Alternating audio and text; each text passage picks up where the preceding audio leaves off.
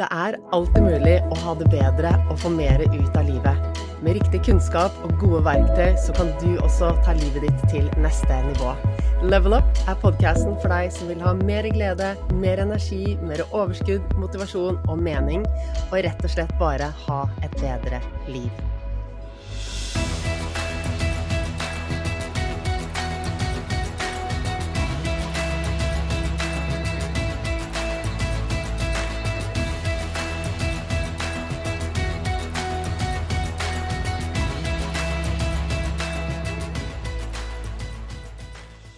Hva er egentlig den berømte vagusnerven for noe? Eller kanskje du ikke synes at vagusnerven er så veldig berømt fordi kanskje aldri har hørt om det. Det er kanskje ikke så rart. I samfunnet generelt så er ikke vagus noe vi snakker så mye om.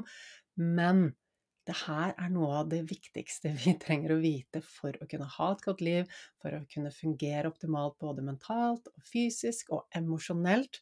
Altså vagus påvirker det meste i kroppen, og i denne episoden så er jeg så heldig å ha med meg Anette Løno, som er, ja, la meg si, hun nerder skikkelig på vagusnerven, og masse, masse gull å lære oss. Fordi uten å ha en vagus i balanse, en vagus som fungerer optimalt, da kommer vi ikke til å ha det så bra. Det går utover veldig mange funksjoner. Hvilke? Det skal du snart få vite. Hjertelig velkommen til eh, Level Up, Anette. Det er så utrolig hyggelig at du vil tilbringe fredagen med meg her i dag.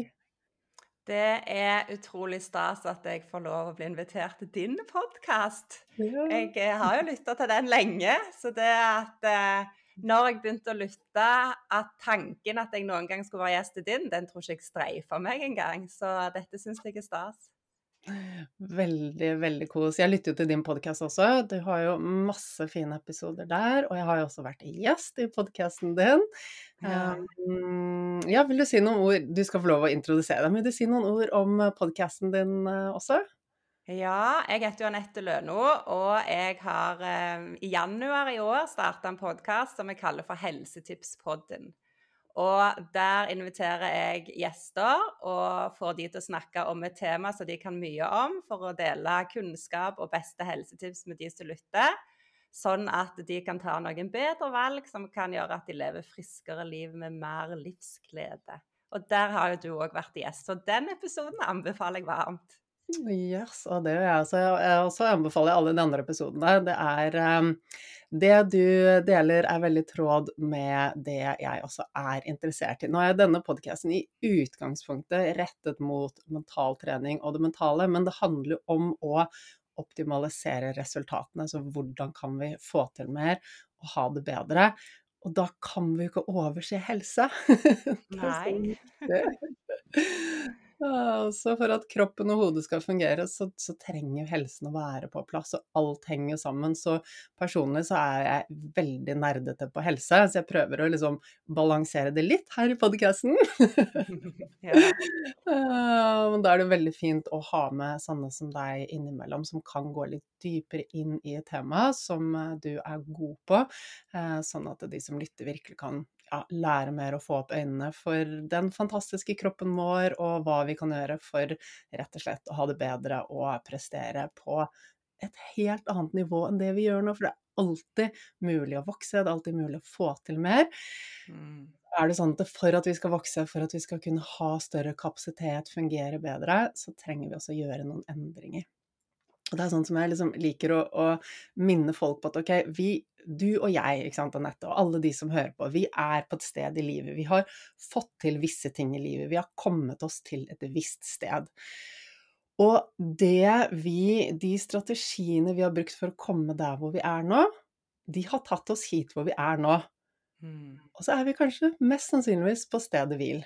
For at vi skal utvikle oss videre, så trenger vi nye strategier, ny kunnskap, nye verktøy, nytt tankesett. Altså vi kommer oss ikke videre med de gamle strategiene og den gamle kunnskapen.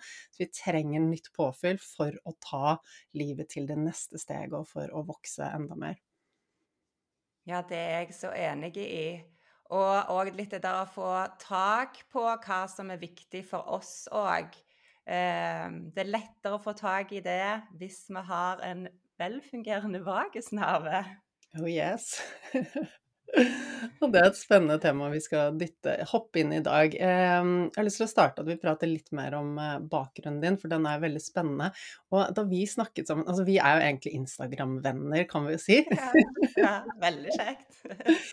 Og da jeg snakket med deg en av de første gangene, så sa du å, jeg husker deg fra tidligere av, for uh, moren din var jo Hun drev et uh, modellbyrå, gjorde hun ikke det? Jo, gjorde det i over 30 år. Og det er jo ikke så mye jeg snakker om eh, når det gjelder inn mot det jeg holder på med med helse, da. Men eh, hun var vel med i juryen i Årets ansikt. Og du har gjort inntrykk, for jeg var alltid med og så disse konkurransene, og du vant det ene året. Det gjorde jeg, det stemmer. Ja. Og så plutselig dukker det opp mange år etterpå og egentlig ser helt lik ut. Eh, og det var sånn Å, der var hun! ah, så morsomt. Ah, jeg husker jeg hadde pannelugg. Jeg vet ikke om du husker det. Jeg um, hadde en eller, annen, um, en eller annen frisør var bare sånn Å, men din uh, look burde være sånn med liksom pannelugg og liksom sånn håret på siden var liksom kuttet litt sånn eh, skrått nedover, da. Og jeg følte meg så ubekvem. Jeg bare, klarer Pannelugg er ikke meg. Det var så langt fra min identitet. Så jeg husker at på den konkurransen på finalen og sånn, så sto jeg liksom og prøvde å liksom dra panneluggen bak ørene for å være mer meg selv. Sånn. Og det er det som er med den bransjen, der får du ikke helt lov å tenke sjøl alltid. Så der er det liksom Ja, en må gjøre det en blir bedt om. Det må man så innmari. Og jeg, eh, altså modellyrket For det første så var jeg jo veldig usikker på den tiden. Jeg hadde så lav selvfølelse, jeg hadde så lav selvtillit. Jeg var kjempesjenert. Eh, og det å gå inn i eh, modellyrket da, det var jo ikke det smarteste. liksom Nei, og det er jo ofte i den alderen en bunner òg. Og så er det jo litt sånn for jeg husker jo da at de som gjorde det veldig bra, så så jo jeg sånn opp til de og drømte at å, tenk om det hadde vært meg. Mm. Og så syns jo jeg at, eh, sånn som så sikkert deg òg, da, at du så selvsikker ut. Og så er det jo de følelsene vi bærer inni oss, da ja, som vi er gode til å legge lokk på, så ser vi ikke sant? Og eh, de som ser oss fra utsiden, de ser jo bare det de selv ikke har, ikke sant. Eh, og eh, det er lett at eh, vi Altså, vi legger merke til Altså, vi har jo flere nerveceller som går fra hjernen til øynene enn den andre veien, så det er klart at det vi har i hjernen, det styrer jo hva vi legger merke til. Mm. Og det er jo så lett å bare legge merke til det jeg ikke har selv, det jeg selv ønsker at jeg skulle hatt. Og jeg så jo på alle andre rundt meg som, eh, som jeg jobbet med som modell, da, som bare 'Å, du er tynnere enn meg, du er finere enn meg, jeg skulle bare ønske jeg var som deg, da ville alt vært bra'. ja. Og så er jo det litt interessant, for den tida så var det jo ikke sosiale medier, og eh, eneste vi gjerne fikk av inntrykk, var de bladene vi leste. Og stort sett så sammenligna vi oss gjerne med de vi da hadde nært. Men nå har jo det utvikla seg til noe helt annet, så nå skal vi jo òg sammenligne oss med resten av verden.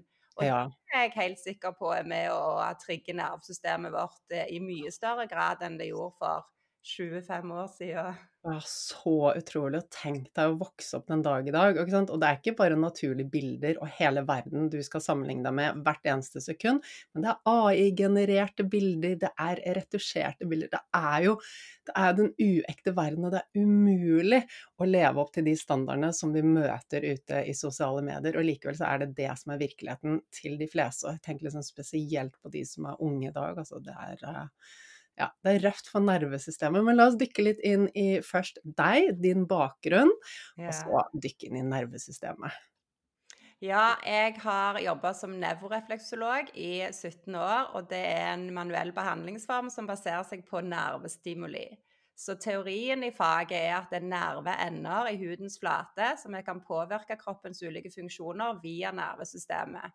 Og det jeg holdt på med i 17 år, da, og driver Nervesklinikken i Stavanger, og så har jeg to små barn, og når jeg har gått i permisjon og gått mye turer, så har det egentlig oppstått et ønske om å få ut mer kunnskap. Uh, og mange jeg følger på Instagram, bl.a. deg, så så jeg her er det så mange som sitter med så mye kunnskap. Hvordan skal vi få ut det til enda flere? For mer enn noen gang tenker jeg at vi må ta bevisste valg for å kunne ha god helse. Eh, og da starta jeg jo Helsetipspodden, og så har jeg vært aktiv på Instagram i flere år, og har nok retta meg mer og mer mot eh, nervesystemet og vagus. For for en del år siden i nevrorefleksologi så fikk vi inn en vagusbehandling på et videregående kurs. Og lærte primært da at det var hovednerven i det parasympatiske nervesystemet som skapte ro. Punktum. Sant? For det var egentlig det vi, vi har visst innen eh, Ja, for jeg har medisin grunnfag òg. Um, ehm, og så, når jeg begynte å jobbe med vagusbehandling, der en primært tenkte at nå skal jeg roe ned stress, så begynte det å skje så mye spennende. Eh, både at eh, mage-tarm-problematikk forsvant, utslett forsvant, en tok bedre valg for seg sjøl, kjente seg roligere, følte seg mer robust mot stress. Eh, ja, lang, lang liste. Og det fikk meg til å undre. Dette her må jeg jo forstå. Og så begynte jeg å dypdykke i forskningen, og så har det jo bare kommet mer og mer og mer. Og så nå lærer vi det pågående. Senest i går så leste jeg inn på Feinstein som holder på nå å forske på vagus, eh, som er et sånn fireårig prosjekt. Og Der er det ennå eh, ikke kommet all informasjon, men det de delte Det var vel i august, da. Da hadde de tatt ut altså kadaver, eh, altså menneskekropper, og sett på. Og Så har de beregna at vagusnerven har ca. 160 000 nervefibre som da sprer seg nedover i kroppen. Og nå skal de prøve å finne ut om hvert enkelt nervefiber har sin spesifikke jobb. Så jeg gleder meg sånn til å lære enda mer. oi, oi, oi. Men det er jo sånn, før vi dykker helt ned i liksom, hva, hva er vagusnerven? Sånn kort oppsummert og forklart. Ja, altså Vagusnerven er en hjernenerve. Og det er nummer ti av tolv. Men det som den skiller seg ut fra for de andre, er at det er den eneste hjernenerven som òg har nervefibre som går nedover til kroppen. Så det går fra hjernestammen, og så er det to nervebunter på utside hals som går nedover. Og så er det egentlig et sånn le ledningsnettverk, da. Det blir ofte kalt for noe sånn eh, eh, informasjonsmotorvei. Og du sa jo innledningsvis at det der å forstå sant, kroppen og hjernen kobles jo sammen. Men det er faktisk vaget som i høy grad gjør at denne her eh, at, vi, at det samarbeider og kommuniserer. Og jeg tror de fleste kanskje ikke vet at de har noe som heter en vagusnerve engang. Og det har jeg tatt på meg som en sånn stor misjon i livet nå, at jeg skal sørge for at flest mulig vet at de har en vagusnerve. Og så skal jeg òg skrive bok med Frisk forlag, som kommer ut våren 2025, eh, om vagus. Så det er én til måte å få ut dette her på det. Herlig. Ja, for det er jo noe som Altså jeg, jeg, har jo liksom lang fartstid i yogamiljøet, og det er klart at det, har liksom, eh, der har jeg blitt eksponert mer for teorier og tanker rundt vagus. Men ellers i samfunnet, så du må jo være ganske helsenerd for å egentlig finne ut av det her, må du ikke det? jo da, og jeg har jo flere som av de som går til behandling hos meg, som har sagt at å, jeg føler meg så mye bedre etter jeg har hatt vagusbehandling. Og da er det flere leger som har sagt at vagus, det har jeg ikke hørt om. Ja, det er spennende. så, men det er akkurat som du sier, en må nesten være litt nerd òg da for å gå inn og finne all den informasjonen. Og jo mer jeg finner, jo mer spennende er det jo. For det påvirker både vår fysiske og mentale og emosjonelle helse. Det påvirker inflammasjonsresponsen vår, fordøyelsessystemet, og er med å gjøre oss mye mer robust, og, og at vi tåler mer stress òg. Mm. Altså, det påvirker jo egentlig det meste. Og sånn som du sa også, det er jo et nettverk med så mange nevroner som virkelig Det er, eh, det er motorveien da, mellom hjernen og hele resten av kroppen, så det er klart at det, det er helt innlysende at ok, det har mange effekter. Det er liksom ikke bare én ting som eh, er avhengig av vagus, og som vagus gjør. Men, men ja, så kan ikke dypdykke litt mer i alle de fantastiske tingene som henger sammen med vagus, og hvordan den påvirker kroppen? Eller ikke alle, selvfølgelig, det har vi ikke rom til her, men liksom noen av de viktigste tingene som folk virkelig skjønner. Um, og jeg må jo si at det, det, er mange veier inn til å få endring, og jeg er veldig fan av at det, vi kan jobbe på så mange som mulig måter, altså med mentale teknikker, visualisering, hypnose avspenninger. Så kan vi også gå inn og jobbe med nervesystemet. Og vi kan jobbe med nervesystemet manuelt, sånn som du gjør. Og jeg tenker at det, jo flere veier inn, jo raskere får vi resultater. Ja, og de sier jo at eh, vagusnerven er jo egentlig ikke bare en nerve, så det er egentlig litt sånn feil beskrivelse av det. Eh, men de kaller det for et intrikat nevroindokrint immunnettverk som jobber kontinuerlig for å opprettholde homostase. Som betyr at både nervesystemet, hormonsystemet og immunsystemet jobber sammen for å egentlig holde balanse i kroppen vår, for at vi skal ha det bra. Mm. Og så I tillegg så vages òg hovednerven i det parasympatiske nervesystemet, som er den delen av nervesystemet som egentlig skaper ro, restitusjon, reparasjon, gjenopprette viktige funksjoner. Ofte en følelse av at vi er avslappa og rolige. Samtidig nå så akkurat ny forskning avdekka at deler av vagusnerven er aktivert når vi er i trening knyttet opp mot hjertet. Så nå slår det liksom i hjel litt den at vagusnerven primært er aktivert kun når vi er i hvile, men så deler av den med å hjelpe å regulere hjerterytmen vår når vi er i trening. Mm. Og så er det én ting til, fordi at vi har noe som eh, heter hjerne-tarm-aksen. Så kommunikasjon mellom magefordøyelse og hjernen er det vage som eh, står for.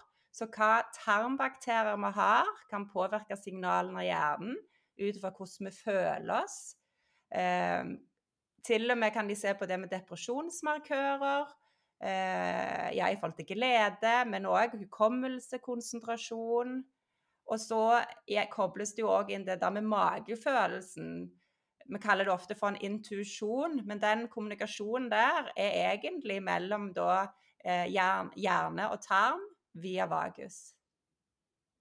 Og så finnes det en inflammasjonsakse òg, der vagus òg er involvert. sant? Så når vi får en inflammasjon i kroppen, så har vagusnerven akkurat som sånn spioner som hele veien leter etter inflammasjon i kroppen, og så sender signaler for hvordan vi skal håndtere det, eh, for at vi skal bli friske igjen. Inflammasjon er jo kjempeviktig for vår overlevelse, men så skal ikke den eh, være høyaktiv hele veien. Så det er jo en utfordring som bl.a. kan gjøre at vagusnerven får redusert funksjon, er jo hvis vi går med lavgrad inflammasjon over tid. Mm. Og nå tror jeg de som lytter her har fått med seg hva inflammasjon i kroppen er, og hva det gjør, men likevel, kanskje det er noen som bare hopper rett inn i denne episoden. Vil du snakke litt rundt det også? Ja, hvis vi er som eksempel, da, hvis vi er syke og har et virus, så skal jo kroppen bekjempe dette her viruset for å forhåpentligvis unngå at vi blir syke.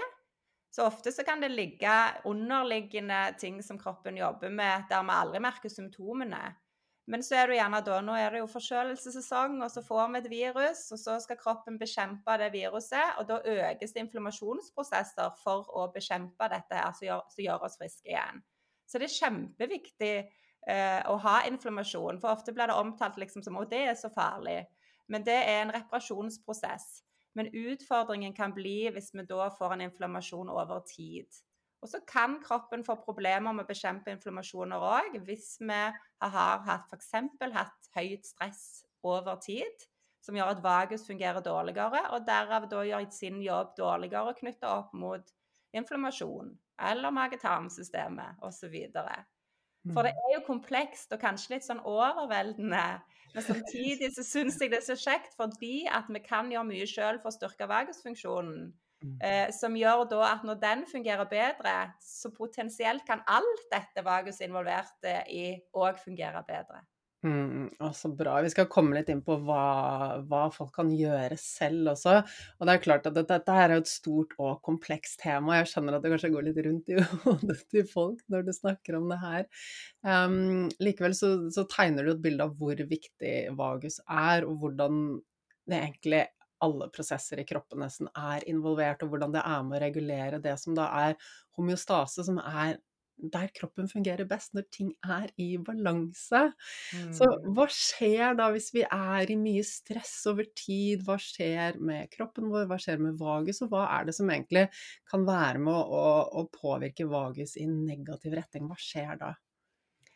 Hvis vi har for høy stressbelastning over tid, og da kan det både være stress knytta opp mot ytre stress, med noen emisjoner, tanker, følelser, ja, tarmsystem og egentlig det jeg har snakket om nå, så kan vi få noe som kalles for autonom dysfunksjon. Som gjør at det autonome nervesystemet vårt fungerer dårligere. Fordi at vi har et autonomt nervesystem som grovt sett er delt i to. Sympatisk tilstand og parasympatisk tilstand. Og sånn enkelt forklart, i en sympatisk tilstand, så er det liksom kroppens gass. Det som får oss i gang og får oss til å gjøre ting, prestere. Og ofte er vi i det det kalles for fight-flight mode hvis det er for høyt stress. Og som er naturlig, egentlig en sånn overlevelsesmekanisme for oss. Men vi, ikke, har ikke et nervesystem som er konstruert å bare være i en eh, sympatisk aktivert tilstand. For at kroppen vår skal fungere, så er vi òg avhengig av å være i parasympatisk tilstand.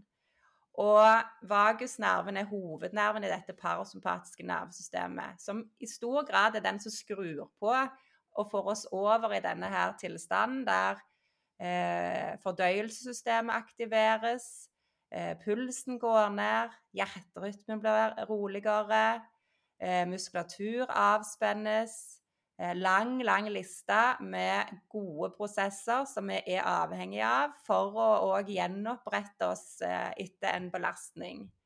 Så utfordringen kan jo bli da når hvis vi er i en sympatisk tilstand fra morgen til kveld, i en høy stressmodus, eh, så det over tid kan medføre da at eh, vi får det som da kalles autonom dysfunksjon. At dette systemet mister sin evne til å regulere seg mellom dette.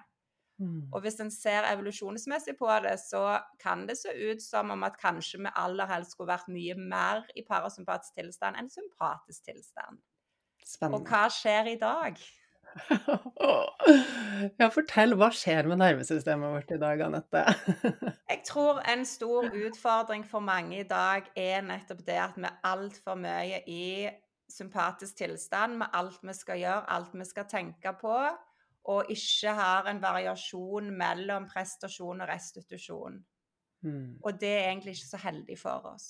Mm. Og så er det jo mange forskjellige ulike former av stressorer, for det kan være vanskelige sosiale relasjoner, det kan være eh, mangelfull eh, næring, altså mangelfullt kosthold, eh, bare sånn, luftforurensning, hvordan vi tenker, hvordan vi føler. Eh, kanskje den største utfordringen i dag sammenlignet med for 20 år siden da, er at vi nå tar inn hele verden. Mm. Fordi at nervesystemet vårt er jo egentlig det som har gjort at vi har overlevd gjennom generasjoner og generasjoner og generasjoner. Fordi at det skal bli aktivert hvis vi er i en reell fare. Hvis vi får en fiende som skal angripe oss, eller eh, hvis vi eh, får en løve som skal angripe oss. Sant? Og dette er jo egentlig heldigvis i Norge, så stort sett så har vi ikke disse farene eh, lenger rundt oss. Men hjernen vår har ikke endra seg. Så de sier jo at eh, Homo sapiens-hjernen er nå, har de funnet bevis på, at det er mest sannsynlig 300 000 år gammel. Og hjernen da, som vi har i dag, er helt lik. Men den har jo ikke klart å endre seg med at hvis jeg ser på mobilen min og ser at det er krig et annet sted, så må nervesystemet og hjernen vurdere er dette trygt for deg. Og med mm. en gang vi har en aktivering i det, så allerede der er nervesystemet litt høyaktivert. Så det er Og jeg har jo snakket mye om det, men måten vi lever i i dag, er jo helt annerledes enn vi har bare hvordan vi vokste opp. Ja. Eh, og mye spennende og positivt med det. Jeg elsker at òg, for før jeg vokste opp, så var det jo Sannheten fantes i et leksikon. Hvis det ikke sto noe om det, så, så var det ikke sånn. det var det jeg pleide å gjøre etter skolen. Så hadde jeg en venninne, så gikk vi hjem, og så åpnet vi leksikon, og så fant vi liksom morsomme, rare ord. Men vi trenger å ta oss pauser. Mm. Jeg tror det er nettopp det viktigste. Og gjør òg med det at vi er så utsatt for stress. Det er veldig lett å komme inn i stressmodus. Så må vi ta bevisste valg for å redusere stresset. Mm. Og, og, legge til rette for å få et uh, nervesystem òg som blir motstandsdyktig og tåler stresset. Så det handler ikke bare om å være i hvile og ro, men òg gjøre gode ting som styrker nervesystemets funksjon. Mm, ja, vi er jo ofte veldig redd for stress. Nå snakker vi mye om at stress er farlig, og det er så mye stress i samfunnet, og folk er veldig sånn 'Jeg må ikke stresse, jeg må ikke stresse, jeg må hvile hele tiden'. Men det er jo heller ikke sunt, ikke sant. Det du er inne på, det at vi skal ha et velregulert nervesystem, og det å lære seg til å ja, bare virkelig Vi kan være i kjempehøy stressaktivering, og så krever det også at vi på andre siden av det kommer oss helt ned i ro og hvile og restitusjon, og der skjønner jeg at det en stor utfordring ligger for mange. Jeg syns selv det er utfordrende, for jeg syns det er så gøy å gjøre masse ting. ja, jeg òg. Og det er jo litt um, Nettopp så det du sier, for det er jo så mye gøy. Vi har jo tilgang på å gjøre all verdens ting hele veien. Uh, og det mange òg opplever, at når de først skal gjerne sette seg ned og ta det med ro, så plutselig er mobilen oppe, og så er hjernen òg aktivert. For det at um, jeg har troen på at det er nyttig for oss å gi tarmen hvile, hjernen hvile, kroppen hvile. Så når hjernen får fri fra eh, nye inntrykk, så kan vi godt være i aktivitet. F.eks. gå i fjellet. Eh, men det trenger ro.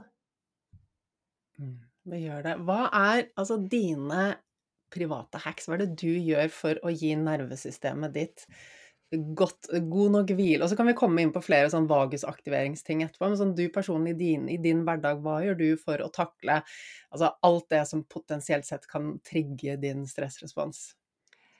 Godt spørsmål, og etter hvert så har det jo egentlig blitt ganske mange ting som jeg nesten glemmer ut at, det, at jeg gjør.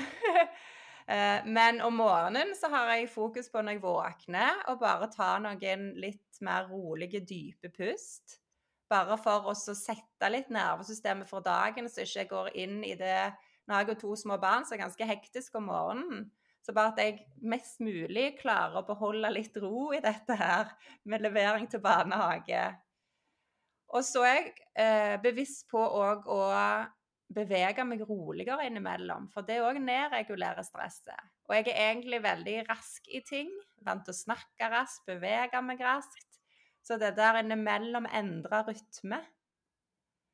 Og så vet jeg jo at det med nynning og synging er med å aktivere vagusnerven, så jeg bruker det òg litt.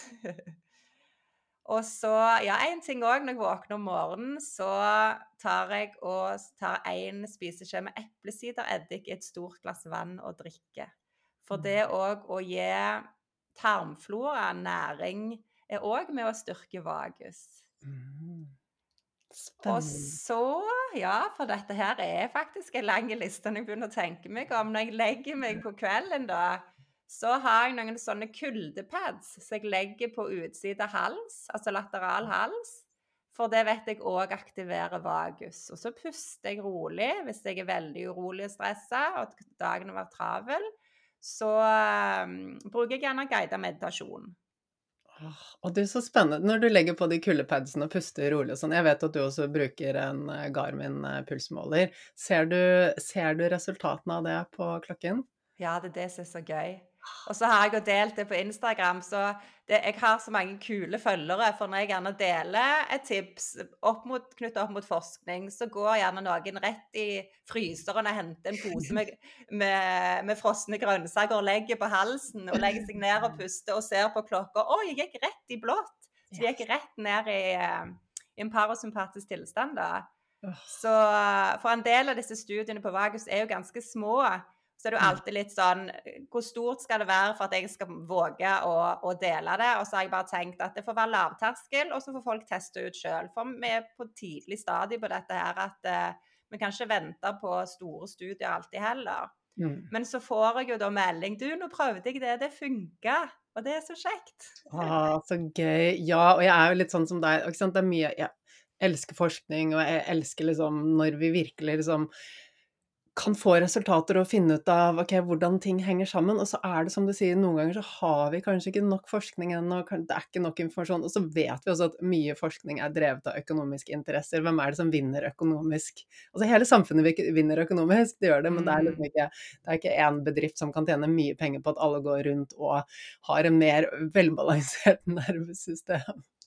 Så, så, det er jo noe med at eh, ok, det er kanskje en grunn til at forskningen tar tid også, så jeg er enig med deg at ok, når ting funker, så er det verdt å dele det. Og til syvende og sist er det sånn, OK, vi må bare teste ut selv.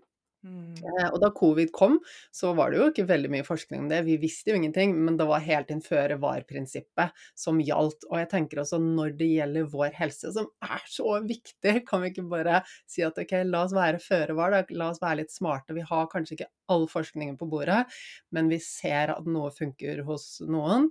Hva med å bare teste det ut og prøve det ut, istedenfor å vente 20 år til vi har alle svarene på blokken? Ja, og der savner jeg så mye at det ikke ble snakket mer om hva vi kan gjøre for å styrke immunforsvaret vårt. Jeg syns det er helt Ja, for å bruke et mildt ord, tullete. For det er jo mye vi kan gjøre. Og derfor eh, Ja, det undrer jeg meg ennå over at det ikke har vært mer fokus på, altså. Ja, det, ikke, ikke noe Gjennom hele covid så var det ikke noe snakk om ok, hva kan du gjøre for å styrke ditt immunforsvar. Og man har jo sett da at de som virkelig ble ille påvirket, ofte hadde et dårligere immunforsvar også. Så det, ting henger sammen. Det er jo ikke liksom det er ikke sånn å, vaksinen den fikk deg til å bli dårligere, å, den infeksjonen fikk deg til å bli dårligere. Men som vi er inne på her, alt i kroppen henger sammen. Og bare det du forteller om vagusnerven er litt sånn herregud, det er hormonsystemet, det er stressresponsen, det er fordøyelsen det er liksom, det er Alt henger sammen! og det er jo nettopp det, for én ting òg som skjer f.eks. når vi er i frykt, da, er jo at immunforsvaret fungerer litt dårligere. Mm. Um, og det har jeg tenkt en del på med at ja, Som et eksempel, vi skal ikke gå dypt inn på det temaet, men hvis noen tar en vaksine i frykt for de er redd. Så er ikke det så godt for oss. Jeg hadde mye fokus på hvis du har bestemt deg for å ta den, gå inn. Tenk at nå tar jeg det for dette skal være godt for meg, og pust rolig. Og, og ja, behold litt ro i det, sånn at kroppen får lov å, å ta imot en, i en tilstand som ikke er høyaktivert i stress. Kjempeviktig. Hvis ikke knytter fort kroppen det som skjer, til fare. Mm. Å, det er spennende, det kan vi snakke mer om en annen episode. Men du, eh, jeg er veldig nysgjerrig på, kan ikke du dele litt sånn eh, hva som skjer når du jobber med kundene dine i forhold til vagus og nervesystem? Ja, altså Jeg har jo klinikk her i Stavanger. Og når folk kommer til behandling første gang, så bruker jeg ganske mye tid på å kartlegge hva plager, hva symptomer har du? Som kan godt være de kommer fordi de sover dårlig, men jeg ser helhetlig på det. For hva påvirker søvn, da, som et eksempel? For det er gjerne for høy stressbelastning gjennom dagen, eh, dårlige søvnrutiner, mangelfullt kosthold.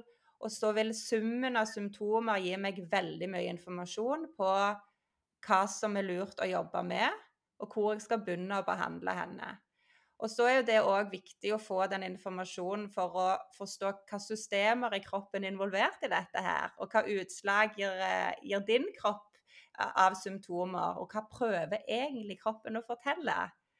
For at eh, jeg ser litt på symptomer som kroppens språk til å gi oss informasjon på her er det noe gale, eller her er det noe du gjør for mye eller gjør for lite. Dette strever, strever kroppen med for å få til. Og òg litt eh, sant, opptatt av det mentale med Føler du glede? Hva, hva, følelser har du? Hva følelser strever du med? Og jeg har dessverre veldig mange som sier at jeg kan ikke huske sist jeg lo høyt. Mm. Eh, og, og, ja, Så den der totale bildet før jeg går inn i behandling, er viktig for, for meg. Og så tenker jeg det er viktig for pasienten å anerkjenne de symptomene en har. Og så er det òg en måte å fange opp på når vi får bedring. Så av og til så bruker jeg at en skal si fra null til ti hva ligger du mellom energi. Så det er gjerne fra to til fire i starten. Og så har vi gjerne hatt to behandlinger. Så hvordan ligger du nå? Nei, nå er det gjerne på fem-seks. OK, men da har vi bedring. Nå går det rette veien. Uh, og så pga. jeg er så opptatt av helhetlig helse, så har jeg nok søkt mye mer kunnskap etter hvert òg for å kunne dele hva folk kan gjøre sjøl. For hvis jeg gir en behandling, og han fortsetter å gjøre de tingene som skaper stresset, eller eh, mage-tarmplagene, så vil jo de komme tilbake igjen, mest sannsynlig, og gjerne iallfall i en eller annen form. Så både det å dele kunnskap og tips det kan, kan gjøre annerledes for å ha det bedre, samtidig så behandlingen med òg å hjelpe. Og nå er det nesten bare vagusbehandling jeg gir for tida. Eh, og det er jo fordi jeg har retta meg veldig inn mot dette her, da. For før har jeg jobbet med mye forskjellig, egentlig alle helserelaterte plager. Og det er så fint når vagusnerven da får stimuli til å fungere bedre, så begynner kroppen å klare å fikse opp i andre ting sjøl. Så jeg trenger mm. ikke jobbe inn mot tarmfunksjonen. For når vagus sender signaler med tarmen og med hjernen bedre, så vil tarmen begynne å fungere bedre sjøl òg. Så det er utrolig spennende. Og så, nevnte du jo det med pulsklokka òg, sant. For at jeg ble jo så gira når jeg hørte Torkel snakket om det for første gang, for her så jeg en mulighet til å måle effekt av behandlingen òg. Så jeg tok kontakt med han umiddelbart. Jeg bare 'Dette vil jeg være med på, jeg vil lære av det'. Og det òg er jo gøy nå, for det at én ting Det viktigste tingen er jo selvfølgelig at de som går for behandling hos meg, føler seg bedre. Men det òg at vi kan se på klokka at her er HRV-en høyere. Det er mer dyp søvn. Her er det mer hvile og ro. Og òg det med for mange som kommer så utbrente, er gjerne i stress hele døgnet. Og så plutselig kan jeg se på klokka. Hva gjorde du der klokka tolv? Ja, der la jeg meg ned med beina opp etter veggen og pusta. Eh, det må du gjøre mer av. For det hjelper kroppen din den, med å få aktivert vagus og inn i en rotilstand. Og så kan vi begynne å pinpointe litt av de tiltakene du gjør sjøl òg. Så det har vært eh, ja, det har vært et hakk videre virkelig siste året når det gjelder bruk av, av pulsklokke. Men som sagt, da, det viktigste er jo at pasienten føler seg bedre. Ja, det er jo det, men så er det litt sånn um, hvordan vi føler oss altså vi, det, det, Du var inne på det, noen har jo ikke ledd på mange år. ikke sant? Det, vi er jo ikke i kontakt med følelsene våre. Eller veldig mange er ikke i kontakt med følelsene. Vi er veldig vendt utover, for det er så mye ytre stimuli. Og så er det veldig mange som bærer på mye emosjonelt stress, som de er redd for å møte. Når vi er redd for å møte de følelsene, hva gjør vi? Vi legger lokk på de. Men det mm. går ikke an å skille mellom de gode og de ubehagelige følelsene. Legger vi lokk på følelsene, så legger vi lokk på alle følelsene. Eh, og legger vi lokk på emosjonelt stress, så skaper det inflammasjon i kroppen. Det vet vi. Mm. Eh, så det du sier at ok, når du har muligheten til å måle det, for veldig mange er ikke gode på å kjenne innover og legge merke til hvordan de har det. Og hvis deres vanetilstand er 'jeg er sliten, jeg er uopplagt, jeg er i dårlig humør', og liksom alle de tingene, så så kan, du, så kan, du, ha positive endringer i kroppen, men hodet oppfatter det fortsatt som om man er på samme sted. Ikke sant? 'Å, jeg har sovet dårlig i natt også', men så har man kanskje faktisk sovet bra. Så det å ha den klokken som faktisk sier 'oi, men du, du, det er bedre nå', ikke sant. Det er en endring. Det vil også hjelpe til at folk ser det og tar til seg det og begynner å endre på vanen. Altså den største vanen vår er jo hvordan vi ser på oss selv. Identiteten vår, den vi er, hvordan vi føler oss. Det, de tankene vi har om oss selv hver eneste dag, de er jo vaner. Um, og vaner er veldig trygt for hjernen. Og når vi skal begynne å tenke og føle og gjøre på andre måter, så er også det skummelt. Da er det så fint, da, som du sier, at ok, nå har du faktisk muligheten til å se endringen. Eh, den er målbar, og det vil jo hjelpe folk med å endre, endre den vanen, tenker jeg. Og det som er så gøy, er at vi kan ikke måle vagusnervens funksjon direkte, men indirekte. Fordi at det finnes vagusnervefibre som kobler seg opp mot hjertet. Sånn at forskning viser til at du kan få ganske nøyaktig tall på vagusnerven sin funksjon med å se på HRV, altså hjerterytmevariabilitet. Og disse pulsklokkene måler jo akkurat dette. Fantastisk. Og så er det litt gøy, akkurat som du sier, sånn, hvordan vi tenker, hvordan det endrer. Det finnes et studie som viser til at det å skrive takknemlighetsjournal styrer tankene mot noe positivt som vi er glad for, er med å øke vagusnervens funksjon. Mm. Så vi, oh, ja, jeg blir så glad det med sånn nevroplastisitet, at vi kan endre tankene våre. Og, og, hvordan vi føler, hvordan vi tenker, hvordan vi møter verden, hvordan vi ser på oss sjøl eh, med endringer. Ja. Å, så magisk. Og, så, og alt det vi snakker om her, det er, sånn, det er, så mye som påvirker vagus, og vagus påvirker så mye. Ja. Og så er det jo sånn som du sa, at mye av forskningen går der pengene ligger. Men det som er gøy, er jo at det kommer Det er ganske mye forskning som viser til hva vi kan gjøre sjøl. Og det visste ikke jeg helt når jeg begynte å lete, for i forskning så bruker de en sånn kirurgisk implantert enhet som de opererer inn i brystet, som stort sett blir brukt mot uh, epilepsi, som en vagusstimulering. Og så er det transkutan vagusnervstimulering, som er et sånn håndholdt apparat, så du bruker elektroder koblet til, på øreflippen for å stimulere vagus. Og så er det jo at det òg er noen som faktisk forsker hva vi sjøl kan gjøre naturlig. Og derav òg blir det jo enda gøyere. For vi må ikke ha et apparat, eller vi må heller Nå selger vi jo helt ut her, da, men vi må ikke bare gå til behandling heller. Mm. Det er så mye vi kan gjøre sjøl. Og summen av gode valg knytta opp mot å få en bedre vagusfunksjon vil jo bidra da til at egentlig alt i kroppen kan fungere bedre. Ja, ikke sant. Og det er som bare for å oppsummere, når du jobber med kundene dine, ikke sant? så du sier ok, du går inn nå i vagusbehandling, men så egentlig så gir du de gode resultater all over the place. Ja. og selve behandlingen utføres jo med at jeg går inn og jobber på nervepunkter i ørene, på underarm og i magen primært. Og da er det jo en ytre stimuli på huden for å påvirke innover kroppens eh, Altså vagusnervens funksjon via nervesystemet. Og eh, det som mange opplever når vagus blir aktivert i behandling, er jo at det begynner sånne bobler i tarmen. Altså ikke rumling, men mer bobling. Og mange sier 'unnskyld, men jeg har egentlig akkurat spist'. Jeg bare 'ja, nei, nå er vagus aktivert'. Så det er mange som begynner å svelle, for det er jo nervefiber òg ned mot halsen. En del får økt hårvæske. Og um, mange opplever en sånn åh, oh, nå kjenner jeg meg helt rolig. Og jeg kan se på, på overkroppen òg at gjerne hvis en har pusta veldig opp i brystet, så ser jeg nesten da at pusten begynner å bli dypere og lenger ned i, eh, i overkroppen. Mm. Og gjerne litt varme i kroppen. Og det kan mange oppleve gjerne sjøl òg når de gjerne gjør en meditasjon, så begynner en å gjespe. Da, vagus, da blir vagus aktivert. Og jeg, er, eh, jeg går veldig jevnlig til min eh, dyktige venninne eh, Mona, som er osteopat. Mona Hvalstad Elsnes, helt magisk dame. Og hun jobber jo mye med vagusaktivering også. Det er sånn Hver gang jeg har vært hos henne, så har jeg bare sånn så dyp stemme. ja, sant. For stemmen kobles opp òg. Det er så gøy. For når vi er stressa, så snakker sånn Nå er jeg jo sånn, litt nervøs og skal prestere og huske å si ting riktig.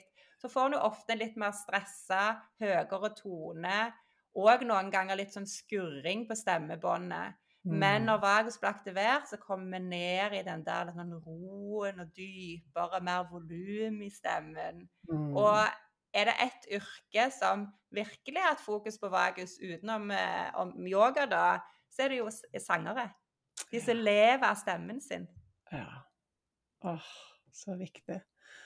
Ja, men du, nå har vi snakket så mye, og du har jo gitt noen fine tips om hva du gjør. Men sånn, på generell basis, hva er det lytterne kan gjøre for altså vi, vi, har skjønt hvor viktig vagus er, det påvirker egentlig alle funksjoner i kroppen. Og, det er inflammasjon, det er fordøyelse, eh, det er søvn, det er, det er sånn, hormonsystemet. Det er jo egentlig alt. Og vi ønsker at vagus skal være rett og slett i balanse og fungere best mulig. Hva mm. er det folk kan gjøre selv for å få til dette? Eh, kjempebra at jeg får snakke om det, for det er jo en del ting. Og Hvis en ser på mage-tarm, da, hva forskning viser til, så er det jo det å spise rik eh, variasjon av plantebasert kost. Altså bær, frukt, eh, urter, krydder. Eh, det som gir næring til de gode tarmbakteriene. Så er det òg noen studier som viser til at det å spise og drikke fermentert er nyttig. Men der vet jeg at noen som sliter mer med histaminer, kanskje ikke tåler så godt fermentert mat. Så det kan være viktig å vite det. Eh, og der er det jo òg hvis en tåler melk, sant? kefir. Eh, helst ikke disse her melkeproduktene med melkesyrebakterier som har for mye sukker, da. det, er, det, er, mange som tenker at nå gjør jeg noe veldig godt for meg selv, og så bøtter de nedpå med sukker. Uh, ja. Ja, eller erstatning. Men helst ikke mm. noe særlig søtning der, altså. Um, og så er det jo det når det gjelder tarm igjen, å la tarmen få fred innimellom, sånn at vi har pause mellom måltidene. Og vi tenker det var mage-tarm, og så kan vi se på det med følelser. Det å kutte ut vanskelige relasjoner, eller redusere det Ja. som skaper stress. Forminske. Nå kommer det jo en jul, og en del uh, jul skal liksom være så fint, men det er mye følelser involvert i julen, og Mm. rela ja, krevende relasjoner for mange. Mm. Men det er mitt sånn tips OK, gå tre timer da og feir jul, og så ikke resten av, av julen. Begrens det hvis det er noe som er veldig krevende. Mm. Uh, og mange går gjerne og gruer seg i hele desember til den julaften, og da er det noe med å sette en struktur på det òg. Um, takknemlighetsjournal, det å skrive, eller det er mer effekt av å skrive for hånd. Og den ene studien gikk på å skrive tre ting da, som en var takknemlig for. Uh, på kvelden var det, men det går an til å starte dagen med det. Når det gjelder kulde, så er det noen gøye studier som viser til at en kan legge kulde på utsida hals. Det ene studiet var ganske langt nede mot kragebein, og det andre var rett under øret på utsida hals. Og um, det ene studiet òg var på Da skulle de se på, da skulle sette inn veneflon, så de så òg på smerte og HRV og, og følelse av ro og hvor ubehagelig det var. Og der var det ikke bare at det var eh, respons på vagus, men de opplevde det mindre smertefullt òg. For det vagusaktivering òg demper smerter. Um, og så kuldedusj eller bad har jo blitt veldig populært de siste årene. Men det som skjer da når vi får den kalde eksponeringen på kroppen, på hudens flate, er jo at det oppleves ubehagelig og stress. Men vi har en mekanisme som gjør at vi får et skifte over til parasympatisk tilstand etterpå. Og så er det jo da den fantastiske pusten vår. Og det jeg syns er så gøy, er jo at den er tilgjengelig for alle.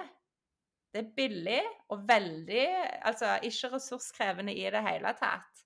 Og det finnes mange studier på det, og det er ulike måter å telle på.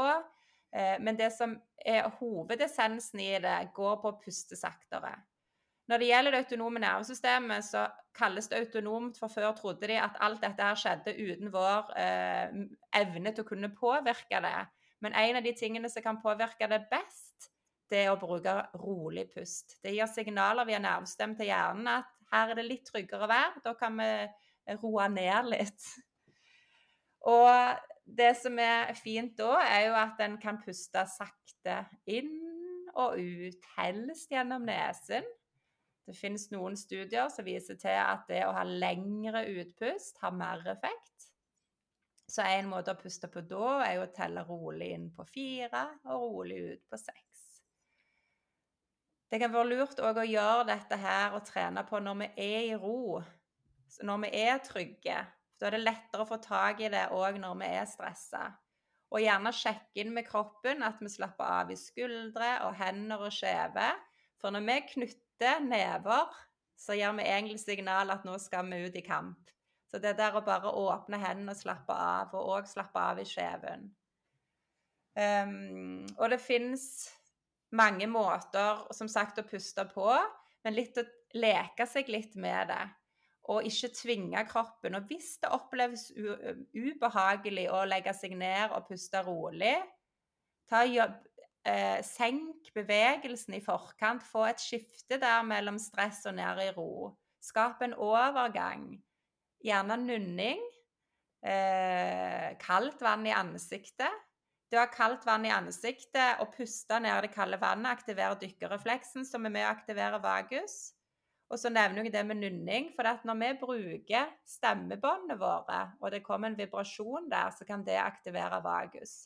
Så toning, humming, eh, sang, nunning Det er noen som har forska på hva type toner som aktiverer vagus bedre.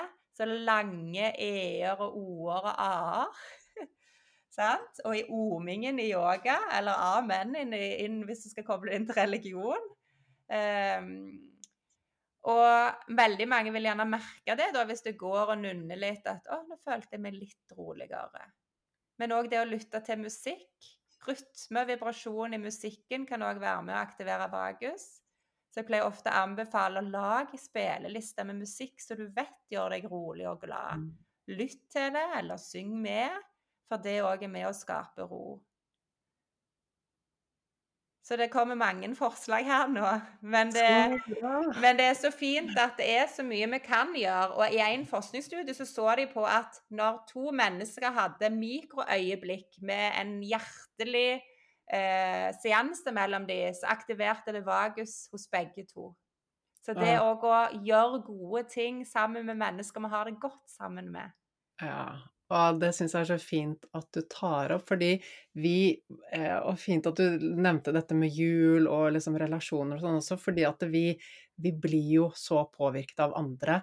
Og ikke sant, vagus det handler jo om eh, Føler kroppen seg trygg, så vil jo også den være i balanse. Ikke sant? Nervesystemet vil være i ro. Med en gang vi føler oss utrygge, så vil vi ikke være i ro lenger. Det er liksom det er en veldig god indikator på om vi føler oss trygge eller ikke. Og da er det sånn, er vi sammen med mennesker som vi ikke er trygge på, da vil ikke kroppen være i ro heller. Eh, og vice versa, er vi sammen med mennesker hvor vi liksom kjenner at jeg er trygg på denne personen, så vil jo altså nervesystemene våre, de samregulerer seg jo, ikke sant? Så, så, det og sosiale relasjoner vi, vi er jo flokkdyr, vi, vi, trenger mennesker rundt oss. Og det å kunne begynne å være litt mer bevisst på hvem man omgir seg med. Og så er jo jeg har lyst til å legge til dette med, med kjæledyr også, da. Altså det pattedyr, rett og slett. At vi kan liksom finne mye kos og regulere nervesystemet vårt sammen med en hund eller katt eller et eller annet sånt. Da. Eh, hvis vi ikke kanskje, kanskje, vi er der hvor vi kanskje ikke har trygge mennesker rundt oss, men kanskje det liksom ha en hund, et kjæledyr, kan være en veldig fin måte å regulere nervesystemet på. Og det er litt gøy at du nevner, for det har vært flere som har gått Jeg har taushetsplikt, selvfølgelig, så jeg skal være forsiktig med hva jeg sier. Men det er noen som har opplevd da at de har vært stressa og fått en utbrenthet. Og så har de ei klokke å se, og så ser de at de nettene gjerne ungene kommer inn og legger seg inntil dem. Det er da de går i blått. Yes. Sant? Oh. Og ungene føler seg òg trygge og i møte Altså kjærlighet. Så kjærlighet mellom mennesker òg. Eh, og så er det jo litt sånn som du sier, at OK, så har vi krevende sosiale relasjoner, og gjerne vi må på den julemiddagen. Men det å anerkjenne OK, det er litt stress, men da mm. tar jeg et godt valg etterpå og gjør noe der jeg er trygg, for å mm. rekalibrere nervesystemet etterpå. Som ikke bare er i det stresset fra morgen til kveld. Så gå den skogsturen da, eller sett deg og pusle, eller gjør noe som er godt for deg. For det er òg én ting som er verdt å nevne, at når du kjenner at du er rolig, trygg, avslappa Høyst sannsynlig da er jo vagus aktivert. Legg merke til hva du gjør, hvem du er med, hvor du er når det skjer, og gjør mer av det. Ah, gulltips. Ah, tusen takk, Anette. Er det noe sånn, er det noen sånn siste ting du tenker at eh, det her må vi også dele før vi runder av? Ja, det er ikke kjekt å eh, poengtere det som skaper en redusert vagusfunksjon helt på slutten, men jeg tenker at det kan være nyttig å ta med. oh yes, det tar vi med. For lite søvn, for lite næring, altså mangelfullt kosthold, røyking, altså nikotin, eh, alkohol, eh, strevende sosiale relasjoner, dårlig stressbalanse for lite aktivitet, for mye, for hard trening.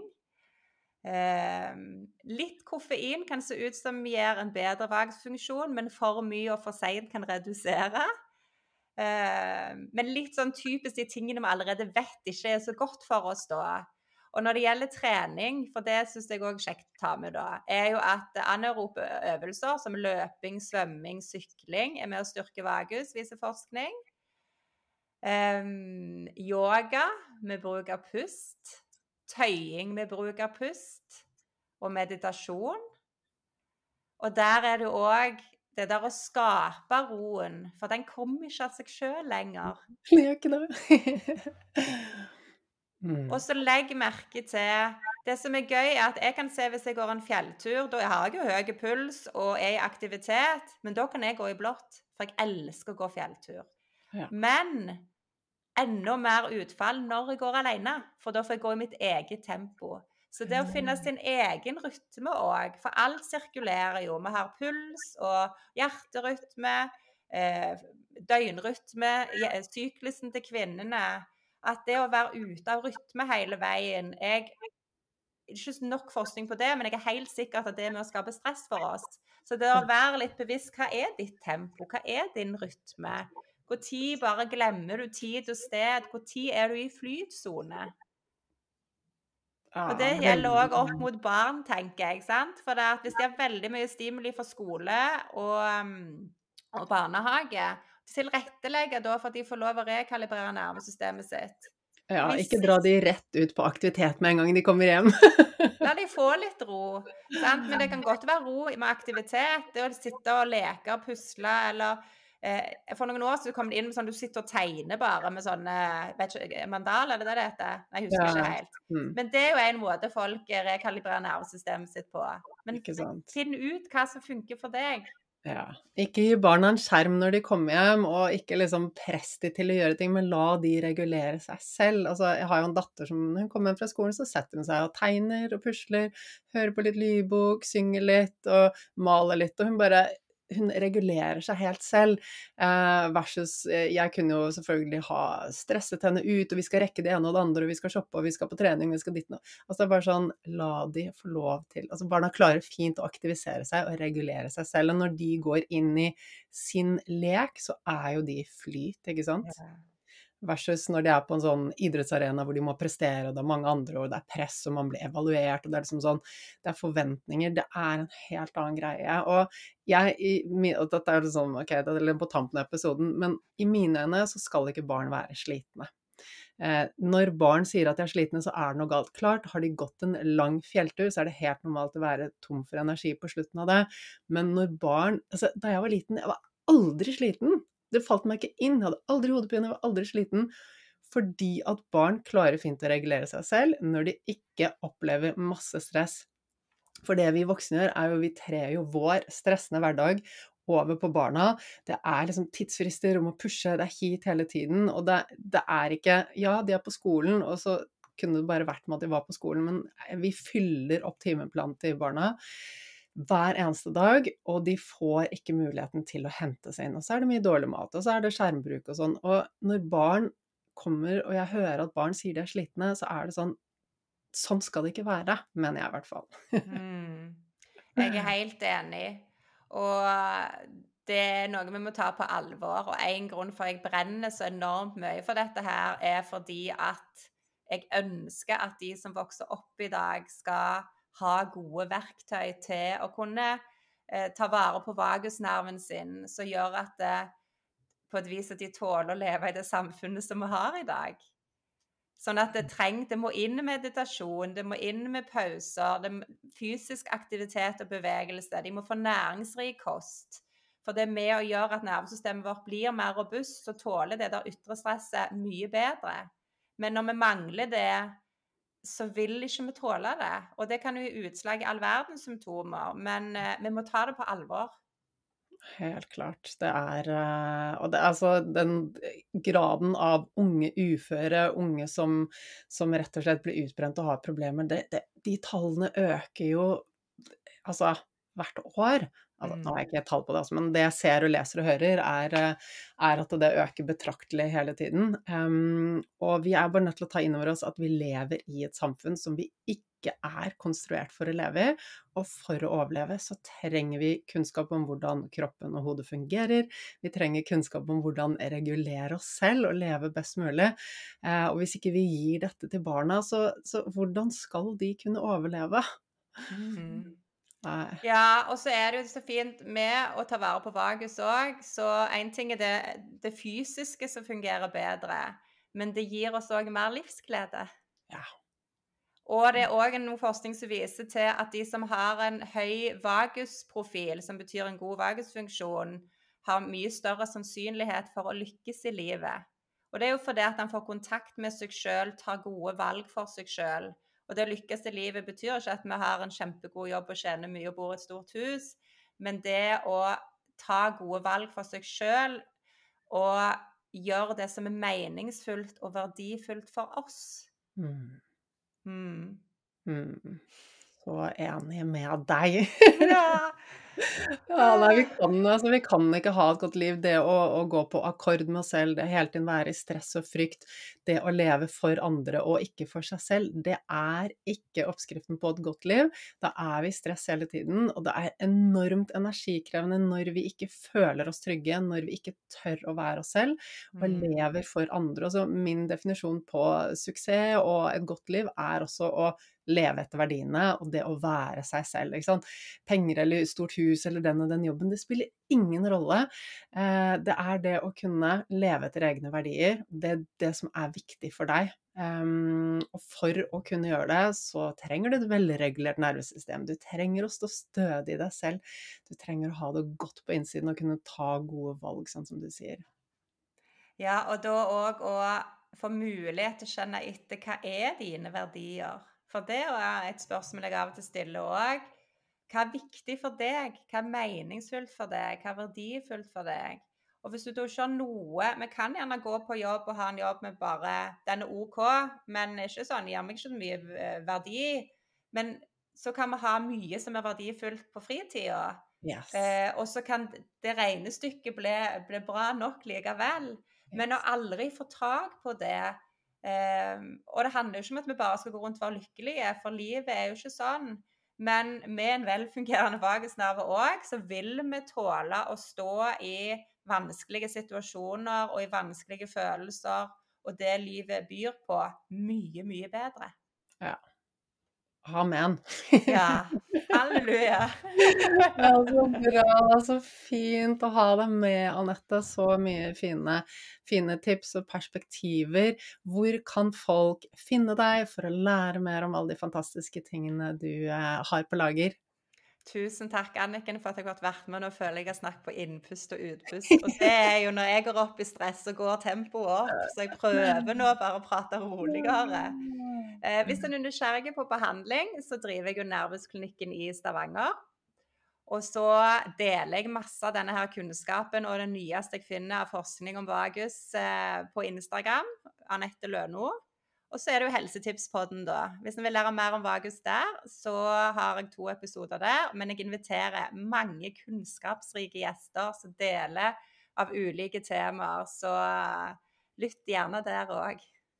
Absolutt anbefaler podkasten din på det varmeste. Jeg skal legge link til eh, Instagram og podkast i episodebeskrivelsen, sånn at folk lett kan finne deg der. Hjertelig takk.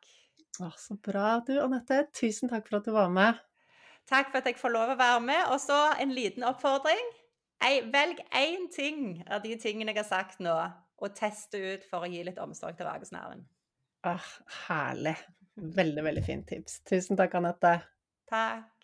Så hvilken av alle disse fine tipsene fra Anette har du tenkt til å ta med deg og implementere? Som Anette sier, så er det så lurt å tenke at eh, du kan starte med én ting og få inn det som en vane.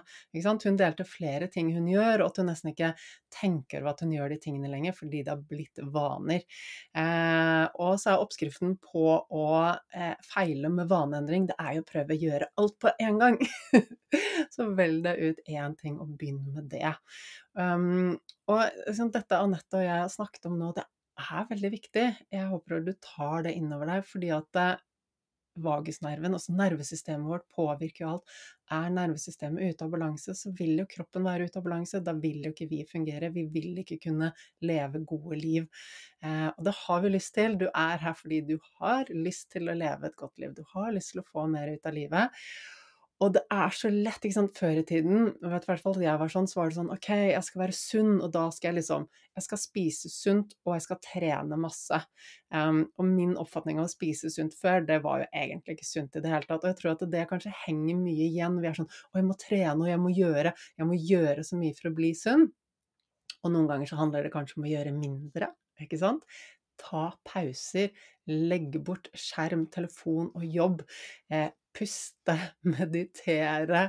Eh, gjøre de tingene som gjør at nervesystemet vårt kan være mer i ro, som Anette også nevnte. Ja, det viser seg at vi kanskje eh, rent sånn evolusjonsmessig sett egentlig er skapt for å være mer i ro, og det tror jeg virkelig på. Jeg har blitt så god det siste, i hvert fall det siste halvåret etter at jeg opererte nakken, på å være mer i ro og gi kroppen min ro. Bare jeg ligger masse på gulvet, ligger jeg med bena høyt opp etter veggen.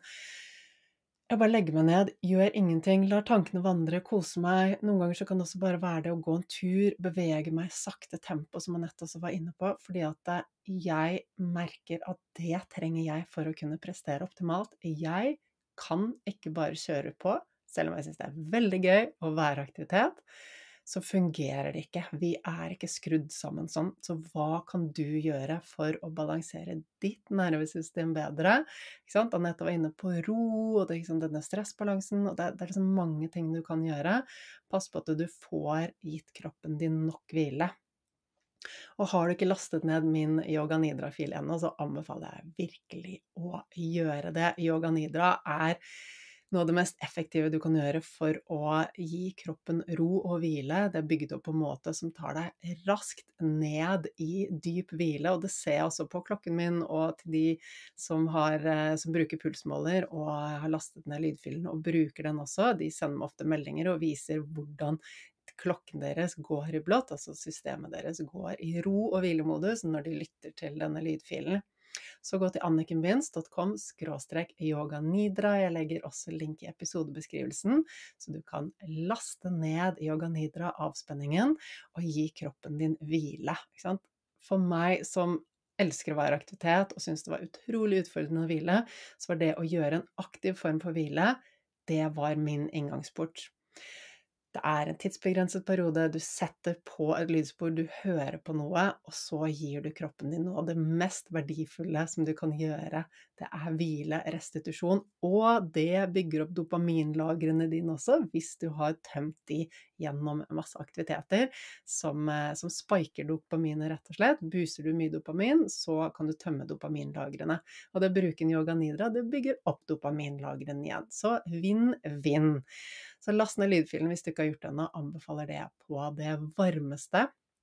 Det virkelig var min inngangsport til å få en mer balansert og velregulert nervesystem. Og også gjorde at jeg kom mer i kontakt med egne følelser, og det trenger vi, som Anette og jeg var innom.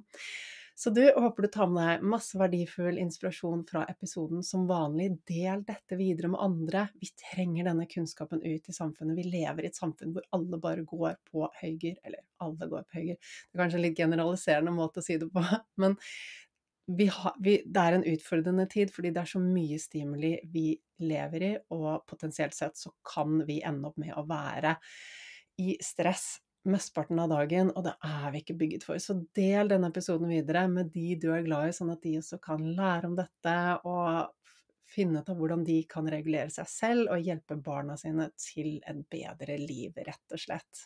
Og som vanlig blir jeg kjempeglad når du abonnerer på podkasten og laster ned episodene. Det er det som gjør at vi kommer høyere opp på listen, som betyr at flere får vite alt dette viktige som vi snakker om i podkasten. Så du, tusen takk for at du er med, tusen takk for bidraget ditt, og tusen takk for at du sprer dette videre til verden. Og så gleder jeg meg til å se deg igjen neste uke.